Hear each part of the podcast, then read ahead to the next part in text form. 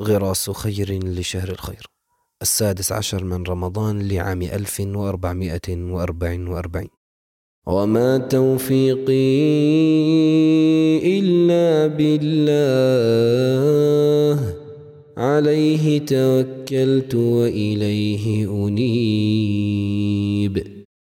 هو شهرك قد انتصف وأنت في سيرك الحثيث إلى الله بين توفيق وتعثر. لا بد لك من وقفة مراجعة ومحاسبة للنفس وتصحيح مسار. فحرارة الإخلاص تنطفي رويدا رويدا كلما هاجت بالنفس نوازع الأثرة وحب الثناء والتطلع للشكر والصيت الحسن.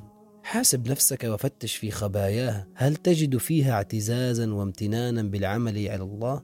هل تلمح عجبا خفيا بما أنجزت من الطاعات في رمضان؟ هل تجد نفسك مسارعا في كل حين لتنشر إنجازاتك وتتباهى بها بين الخلائق؟ أم تجد في نفسك انكسارا بين يدي ربك وخوفا من عدم قبول عملك؟ فالعبد التقي يسير إلى الله بين مشاهدة المنة ومطالعة عيب النفس ومشاهدة المنة من الله توجب له المحبة والحمد والشكر لكونه ولي النعم والإحسان ومطالعة عيب النفس والعمل توجب له الذل والانكسار والافتقار والتوبة لله في كل وقت. تذكر ربما فتح لك باب الطاعة وما فتح لك باب القبول. فكم من مستدرج بالإحسان إليه وكم من مفتون بالثناء عليه وكم من مغرور بالستر عليه. جدد نيتك قف بين يديه منكسرا حامدا توفيقه لك. راجيا قبوله منك واحرص على أن يكون لك خبيئة بين يديه تشهد لك يوم القيامة. فقراء نحن إلى رحمتك.